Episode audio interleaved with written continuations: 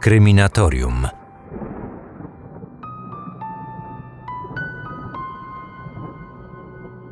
Zaginięcie nastolatki, do którego doszło w ostatni dzień 98 roku, jest jedną z najgłośniejszych i najbardziej tajemniczych spraw w historii Nowej Zelandii. To zupełnie nowy region na naszej kryminatoryjnej mapie zbrodni, prawda? Nigdy wcześniej nie podejmowałem tematu z tego kraju. Ta zlokalizowana obok Australii wyspa liczy niespełna 5 milionów mieszkańców. Nic więc dziwnego, że o sprawach kryminalnych z Nowej Zelandii nie słyszymy zbyt często. Nie znaczy to jednak, że nie dochodzi tam do zbrodni. Tam też spotkamy przestępców, których tropią detektywi i specjaliści z zakresu kryminalistyki. Odciski palców zawsze najpierw. To krew. Pobieramy próbki do badania DNA. Na miejscu przestępstwa nie można przeoczyć żadnego, nawet najmniejszego śladu, bo wszystko może mieć ogromne znaczenie dla śledztwa. Jednak trzeba przecież wiedzieć, na co zwracać uwagę i czego należy szukać. Tą wiedzą mogą się z nami podzielić wyłącznie eksperci. Dziś, oczywiście przy założeniu, że słuchasz tego odcinka w dniu premiery, czyli w poniedziałek, startuje nowy program kryminalny na CBS Reality kryminalistycy w Nowej Zelandii. Czego możemy spodziewać się po tej serii? Oczywiście będą tam sprawy wyłącznie z Nowej Zelandii, to chyba Cię nie zaskoczyło, ale dodam jeszcze, że chodzi o sprawy z ostatnich 10 lat i co najważniejsze, w programie kładzie się duży nacisk na kryminalistykę, na drobne szczegóły i na nietypowe metody wykrywcze, o istnieniu których zwykły śmiertelnik często nie ma nawet bladego pojęcia. To niesamowite. Uzyskaliśmy DNA ze śladu zębów na szyi. Zastosowaliśmy test luminalem.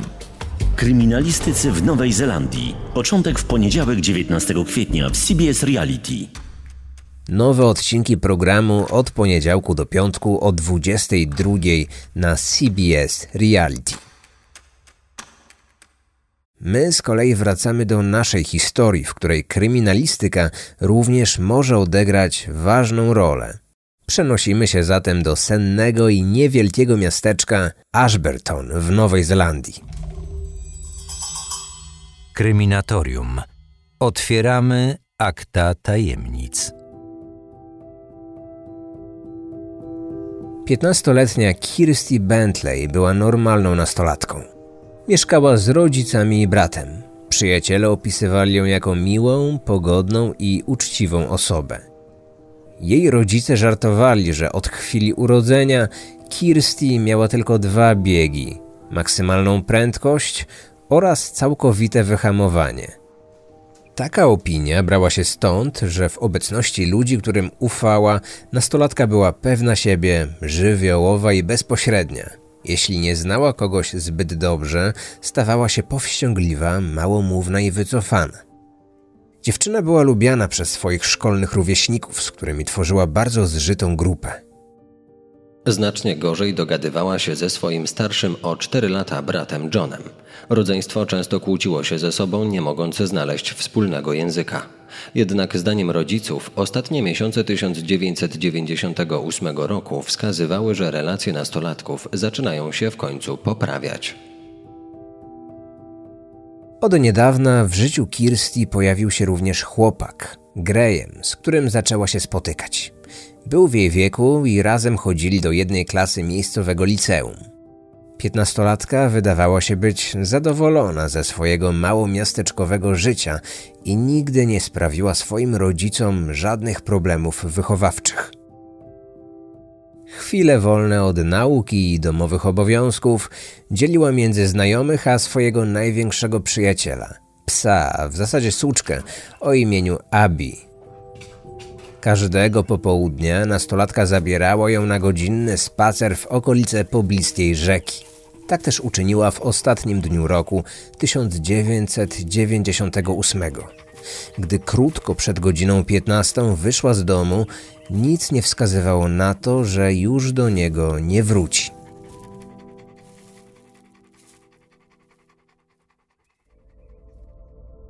Dzień 31 grudnia. Niby to Sylwester, ale dla wszystkich członków rodziny ten dzień nie odbiegał zbytnio od innych dni w roku. Od rana Kirsty była w znakomitym nastroju. Była szczęśliwa, ponieważ następnego dnia na rodzinnym obiedzie miał się pojawić jej chłopak. Co więcej, rodzice dziewczyny, Jill i Sid, zgodzili się, aby chłopak został u niej na noc. Państwo Bentley nie mieli jeszcze okazji go poznać, a pierwszy dzień nowego roku wydawał się być do tego całkiem odpowiedni. Tamtego dnia dom jako pierwszy opuścił John, brat Kirsty. Dziewiętnastolatek pracował sezonowo przy zbiorze jagód. Niedługo po nim do pracy wyjechała jej matka. Godzinę później wyszła także piętnastolatka, zostawiając w domu swojego psa oraz leżącego jeszcze w łóżku ojca. Dziewczyna poszła do biblioteki. Towarzyszyła jej najlepsza koleżanka. Obie zrobiły później zakupy i zjadły obiad w pobliskim McDonaldzie. Do swojego domu wróciła około wpół do trzeciej. W środku zastała tylko brata, który natychmiast poinformował siostrę, że podczas jej nieobecności zadzwonił jej chłopak, Graham. Po przekazaniu tej informacji John wrócił do swojego pokoju. Na uszy założył słuchawki, słuchał głośnej muzyki i oglądał mecz w telewizji. Gdy dwie godziny później zgłodniał, poszedł do kuchni po coś do jedzenia. Dom był zupełnie pusty. Nigdzie nie było ani Kirsty, ani czarnego labradora. Domyślił się, że siostra jak każdego dnia zabrała Abby na spacer. Punktualność była jedną z jej zalet, więc John wiedział doskonale, że wróci najpóźniej o 16. Dokładnie o tej porze codziennie dzwonił do niej chłopak, a tego zakochana po uszy nastolatka nie przegapiłaby za nic w świecie. Jednak gdy wspomniany telefon zadzwonił, piętnastolatki wciąż nie było. Jej brat pomyślał, że to dosyć dziwne. Pół godziny później, po drugim telefonie, John zaczął się niepokoić. Takie zachowanie nie było do niej podobne. Gdy o 17.15 na podjazd domu wjechała Jill, syn przywitał ją krzykiem, wołając już od progu: Gdzie do cholery jest Kirsty? Matka nie miała zielonego pojęcia. Zawsze, gdy wracała z pracy, jej córka już czekała na nią z podgrzanym obiadem. Tym razem w kuchni nie unosił się żaden zapach jedzenia. Jill Bentley najpierw zadzwoniła do chłopaka swojej córki, ale on nie wiedział, gdzie jest Kirsty. Kobieta udała się więc nad rzekę. Przeszukała wszystkie miejsca, do których nastolatka zwykle zabierała swojego psa. Nie natrafiła jednak na żadną wskazówkę. Kobieta wróciła do domu godzinę później. W tym samym czasie pojawił się w nim Sid, Roztrzęsiona Jill opowiedziała mężowi o swoich obawach. Nie czekając na nic, Sid natychmiast zawiadomił policję. Małżonkowie podzielili się zadaniami. Mężczyzna został w domu na wypadek, gdyby ich córka się pojawiła. Jill wrócił w okolice rzeki, aby kontynuować poszukiwania. Tam spotkała Johna, który ze swoimi kolegami już od godziny przeczesywał pobliski teren. Nigdzie nie było żadnego śladu, ani dziewczyny, ani jej psa. Gdy matka z synem wrócili do domu, czekali już na nich policjanci. Po wstępnym przesłuchaniu wszystkich członków rodziny, funkcjonariusze rozpoczęli poszukiwania. W tym samym czasie w domu Bentleyów pojawił się ich sąsiad. Mężczyzna twierdził, że w pobliżu rzeki słyszał szczekanie psa. Jego zdaniem odgłosy wydawane przez zwierzę do złudzenia przypominały szczekanie labradora Kirsty. Sid natychmiast udał się z sąsiadem we wskazane przez niego miejsce. Fragment rzeki przecinającej miasto został przeszukany po raz kolejny i ponownie nic to nie dało. Brat zaginionej razem z kolegami przez kilka kolejnych godzin objeżdżali na rowerach całe miasto. Do poszukiwań zaczęli się przyłączać inni mieszkańcy. O północy osoby zaangażowane w akcję przywitały nowy rok w bardzo kiepskich nastrojach. Niemal przez całą noc sąsiedzi i wolontariusze sprawdzali wszystkie możliwe miejsca.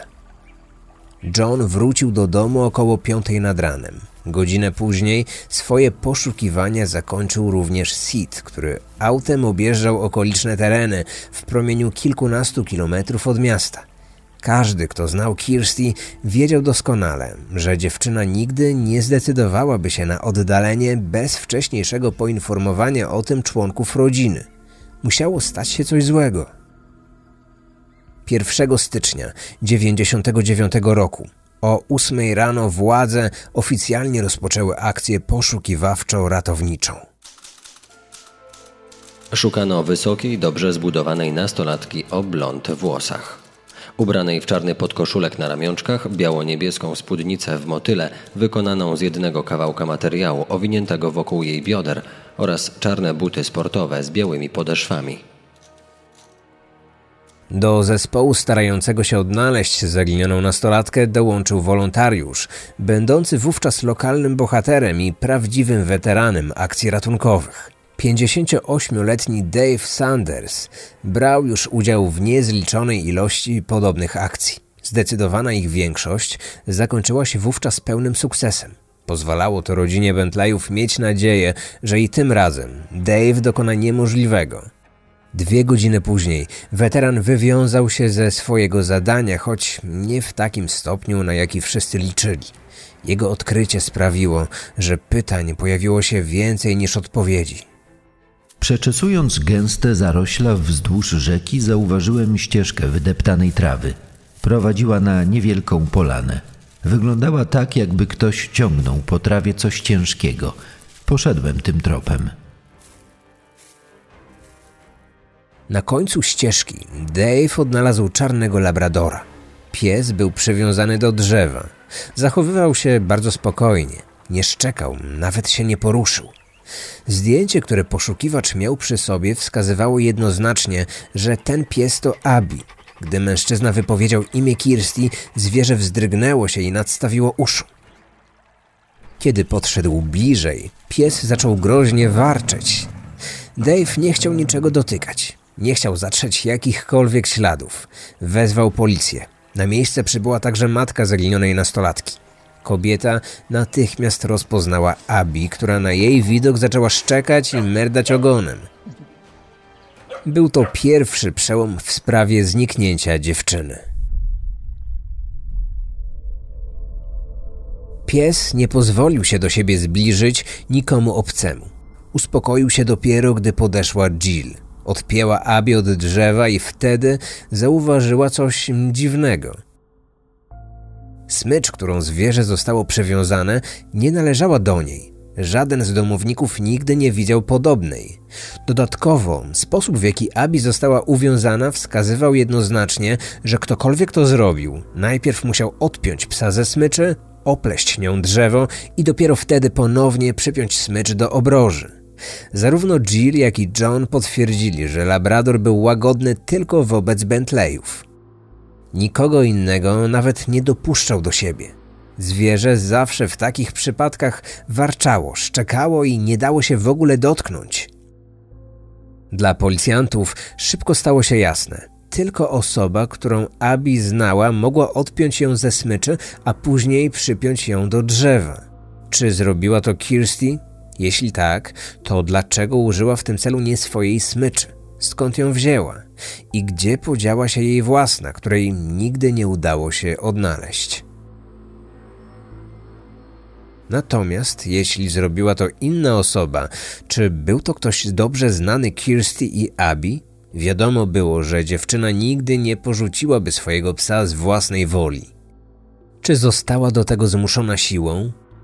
A może jednak tajemniczą osobą był ktoś zupełnie obcy? W takim przypadku, wśród wielu pytań, jakie zadawali sobie policjanci, najczęściej padały dwa. Po pierwsze, czy Kirsty sama przywiązała psa do drzewa, a następnie została porwana? I po drugie, czy smycz dziewczyny zniknęła, bo znajdowały się na niej ślady osoby odpowiedzialnej za zniknięcie? Najdziwniejsze w tym wszystkim było to, że przez cały poprzedni wieczór i noc miejsce odnalezienia było wielokrotnie przeszukane przez mnóstwo osób. Wszyscy byli całkowicie pewni, że psa nie było tam wcześniej. Dwie godziny później doszło do kolejnego odkrycia. 30 metrów dalej wolontariusze natrafili na damskie shorty oraz majtki. Były zawieszone na wysokim krzaku dwa metry nad ziemią. Szybko ustalono, że należą do zaginionej Kirsty. Policjanci nabrali pewności, że nastolatka stała się ofiarą przestępstwa. Wnioski nasuwały się same. Dziewczyna została napadnięta na ścieżce, po której codziennie spacerowała ze swoim czworonogiem. Jej bielizna została zdjęta i wyrzucona kilkadziesiąt metrów od miejsca, w którym pies został przywiązany do drzewa. Wyglądało to na klasyczne uprowadzenie dokonane przez nieznanego sprawcę. Do sprawy przydzielony został detektyw Greg Williams. I od samego początku coś mu nie pasowało w tej układance. Twierdził, że miejsce przestępstwa wydawało się być zbyt oczywiste i zbyt sterylne, tak jakby zostało przez kogoś starannie przygotowane. Nigdzie nie było żadnych śladów walki. Szorty i bielizna piętnastolatki były w nienaruszonym stanie. Nie były podarte, nic nie wskazywało, że zostały zdjęte siłą. Nie było na nich ani śladów krwi, ani ziemi. Zdaniem detektywa wszystko wskazywało na to, że nieznany sprawca wrócił na miejsce przestępstwa wcześnie rano, aby starannie przewiązać psa do drzewa. Po co miałby to robić? Mógł go przecież wypuścić lub po prostu zabić. I wtedy zacząłem sobie zadawać pytanie – a co jeśli ten człowiek był zbyt przywiązany do tego psa, aby pozbawić go życia lub pozwolić mu się gdzieś zgubić? Co jeśli chciał, aby nic mu się nie stało i żeby został przez nas znaleziony? Detektyw od samego początku upierał się, że Kirsty została uprowadzona przez kogoś, z kim była emocjonalnie związana. Sprawca pozorując porwanie przez nieznajomego ewidentnie chciał odwrócić od siebie wszelkie podejrzenia. Zespół śledczych zaczął się uważnie przyglądać rodzinie Bentleyów.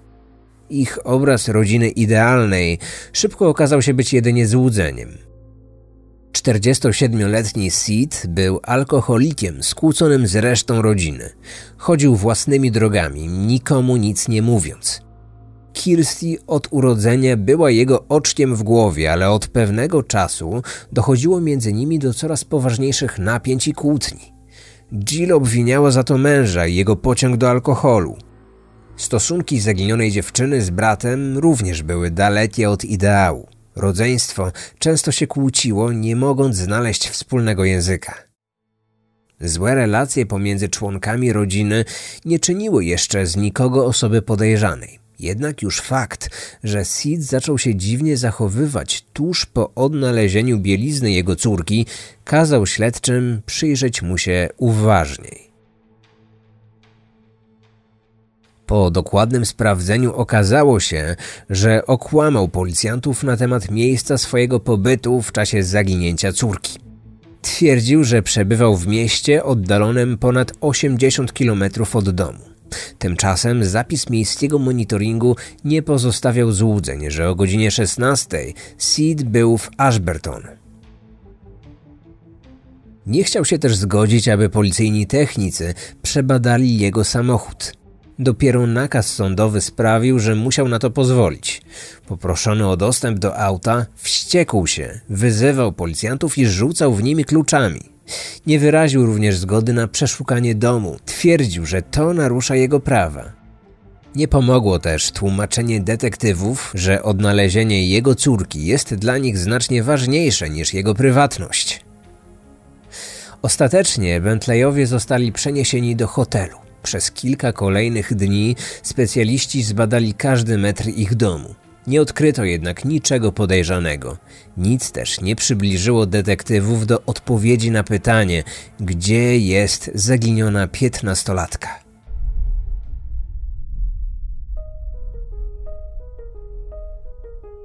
Siedemnastego stycznia, dzień przed szesnastymi urodzinami Kirsty, dwóch mężczyzn dokonało makabrycznego odkrycia w wąwozie Rekaja. Miejsce było oddalone od domu dziewczyny o jakieś 40 minut jazdy samochodem. Szukali ukrytej plantacji konopi i trafili na przykryte stertą suchych gałęzi i liści ciało młodej kobiety. Panujące wówczas upały sprawiły, że zwłoki znajdowały się w stanie mocno zaawansowanego rozkładu. Specjalistyczne badania potwierdziły, że była to Kirsty Bentley. Jej ciało ułożono na dnie nasypu w pozycji embrionalnej. Wciąż miała na sobie ubrania, w których zaginęła, czyli czarny podkoszulek i buty. Brakowało tylko shortów i bielizny, które znaleziono wcześniej. Choć jej spódnica była ściągnięta, to starannie zakrywała dolną część ciała. Detektywi zwrócili również uwagę na to, że miała rozpuszczone włosy, a gumka znajdowała się na jej nadgarstku. Według matki dziewczyny, Kirsty nigdy nie wychodziła z domu w rozwiązanych włosach, zwłaszcza na spacer z psem. Sekcja zwłok wykazała, że dziewczyna zmarła w dniu zaginięcia pomiędzy godziną 15 a 17. Śmierć nastąpiła wskutek jednego silnego ciosu w tył głowy, prawdopodobnie kamieniem. Nie umarła w miejscu ukrycia ciała, ale została tu przeniesiona nie później niż godzinę po swojej śmierci. Rozkład zwłok nie pozwolił na stwierdzenie, czy została wykorzystana seksualnie. Nowozelandzkie media natychmiast zainteresowały się morderstwem dziewczyny. Relacje z przebiegu śledztwa były bardzo obszerne. To szybko uczyniło z tej sprawy jedną z najbardziej medialnych zbrodni w historii tego kraju.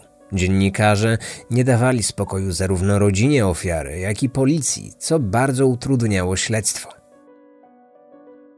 Po odnalezieniu ciała nastolatki, detektywi ponownie zwrócili swoje oczy w stronę ojca i brata. Nie mieli oni żadnego alibi.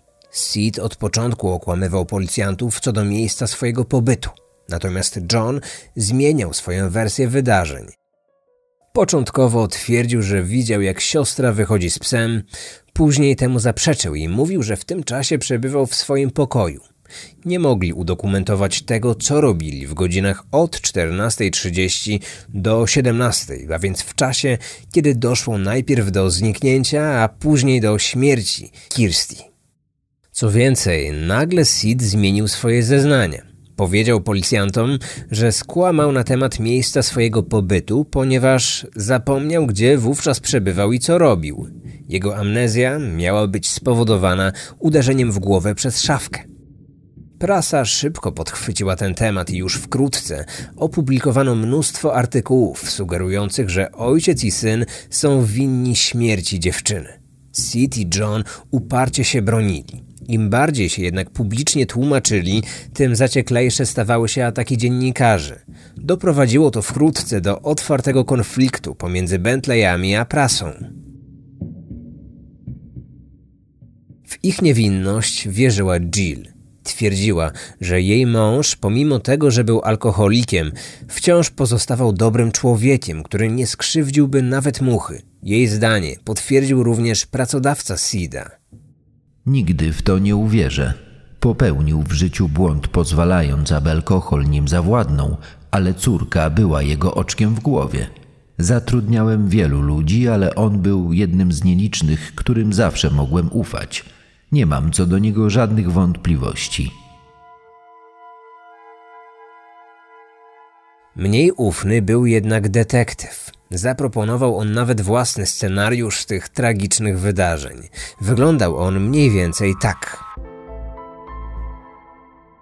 Sid wrócił do domu około 16. Dowiedział się wtedy, że zdarzył się nieszczęśliwy wypadek, podczas którego John zabił swoją siostrę. Córki nie mógł już uratować, ale mógł uratować syna. Razem zawinęli ciało w plandekę, a następnie włożyli je do samochodu.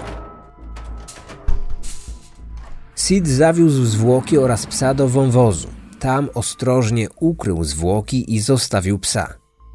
John w tym czasie był w domu, tam czekał na powrót matki. W nocy Sid powrócił na miejsce ukrycia ciała i zabrał stamtąd labradora. W celu zmylenia śledczych przywiązał go w pobliżu rzeki, gdzie został później odnaleziony. Był tylko jeden problem – na tę wersję zdarzeń nie było dowodów. Reszta detektywów miała mieszane uczucia, ale raczej byli skłonni uwierzyć, że to oni byli odpowiedzialni za zniknięcie i śmierć Kirsty. Historie opowiedziane przez ojca i syna zawierały bardzo dużo luk i niespójności. Policjanci nie byli zadowoleni z ich zeznań. Zdarzały się także jawne kłamstwa, na których kilka razy zostali złapani. Wokół nich pojawiło się bardzo wiele pytań, ale to nie czyniło jeszcze z nich morderców. Ostatecznie dwa lata później policja oficjalnie przyznała, że Sid Bentley i jego syn John nie znajdują się już w kręgu osób podejrzanych. Nagonka opinii publicznej zrobiła jednak swoje. Ludzie zaczęli ich wytykać na ulicy palcami. John po skończeniu uniwersytetu miał nawet problemy ze znalezieniem pracy. Zdecydował się na wyjazd z kraju. Sid rozwiódł się z żoną i pozostał sam w swoim domu. Aż do swojej śmierci w roku 2015 wierzył, że morderca jego córki zostanie schwytany. Wielu mieszkańców miasta wciąż jednak uważało, że to właśnie on stoi za wszystkim. Po wykreśleniu Bentleyów z listy podejrzanych, policja zaczęła badać inne tropy. Wkrótce pojawiła się informacja o podejrzanej niebieskiej furgonetce, która kilka dni wcześniej krążyła zarówno w okolicy zaginięcia nastolatki, jak i blisko miejsca odnalezienia jej ciała. Policja upubliczniła nawet jej numer rejestracyjny, ale samochodu nigdy nie odnaleziono. Krótko po śmierci Sida pewna anonimowa kobieta skontaktowała się z policją. O zabójstwo podejrzewała swojego chłopaka, który będąc pod wpływem alkoholu miał się wielokrotnie przechwalać, że to on jest poszukiwanym od kilkunastu lat zabójcą. Policja sprawdziła zarówno kobietę, jak i jej partnera. Szczegóły ich przesłuchania nie zostały nigdy upublicznione. Ostatecznie mężczyźnie nie zostały jednak postawione zarzuty. Należy więc przypuszczać, że nie znaleziono przeciwko niemu żadnych dowodów. Sprawa wciąż pozostawała nierozwiązana, gdy w roku 2017 media podały sensacyjną wiadomość. Wśród podejrzanych znalazł się pochodzący z tego samego miasta Russell John Talley. Mężczyzna kilka miesięcy wcześniej został skazany za zabójstwo dwóch osób. W czasie, gdy doszło do zbrodni, był sąsiadem Bentleyów. Znany był także z obozowania nad rzeką, w miejscu, gdzie odnaleziono psa przywiązanego do drzewa. On sam podczas policyjnych przesłuchań zaprzeczył, że ma cokolwiek wspólnego z zabójstwem. W maju 2018 roku obrońca Russella, który przebywał w więzieniu, wydał stosowne oświadczenie. Mój klient dostarczył szczegółowe informacje na temat swojego miejsca pobytu, zatrudnienia i odbytych podróży w czasie morderstwa.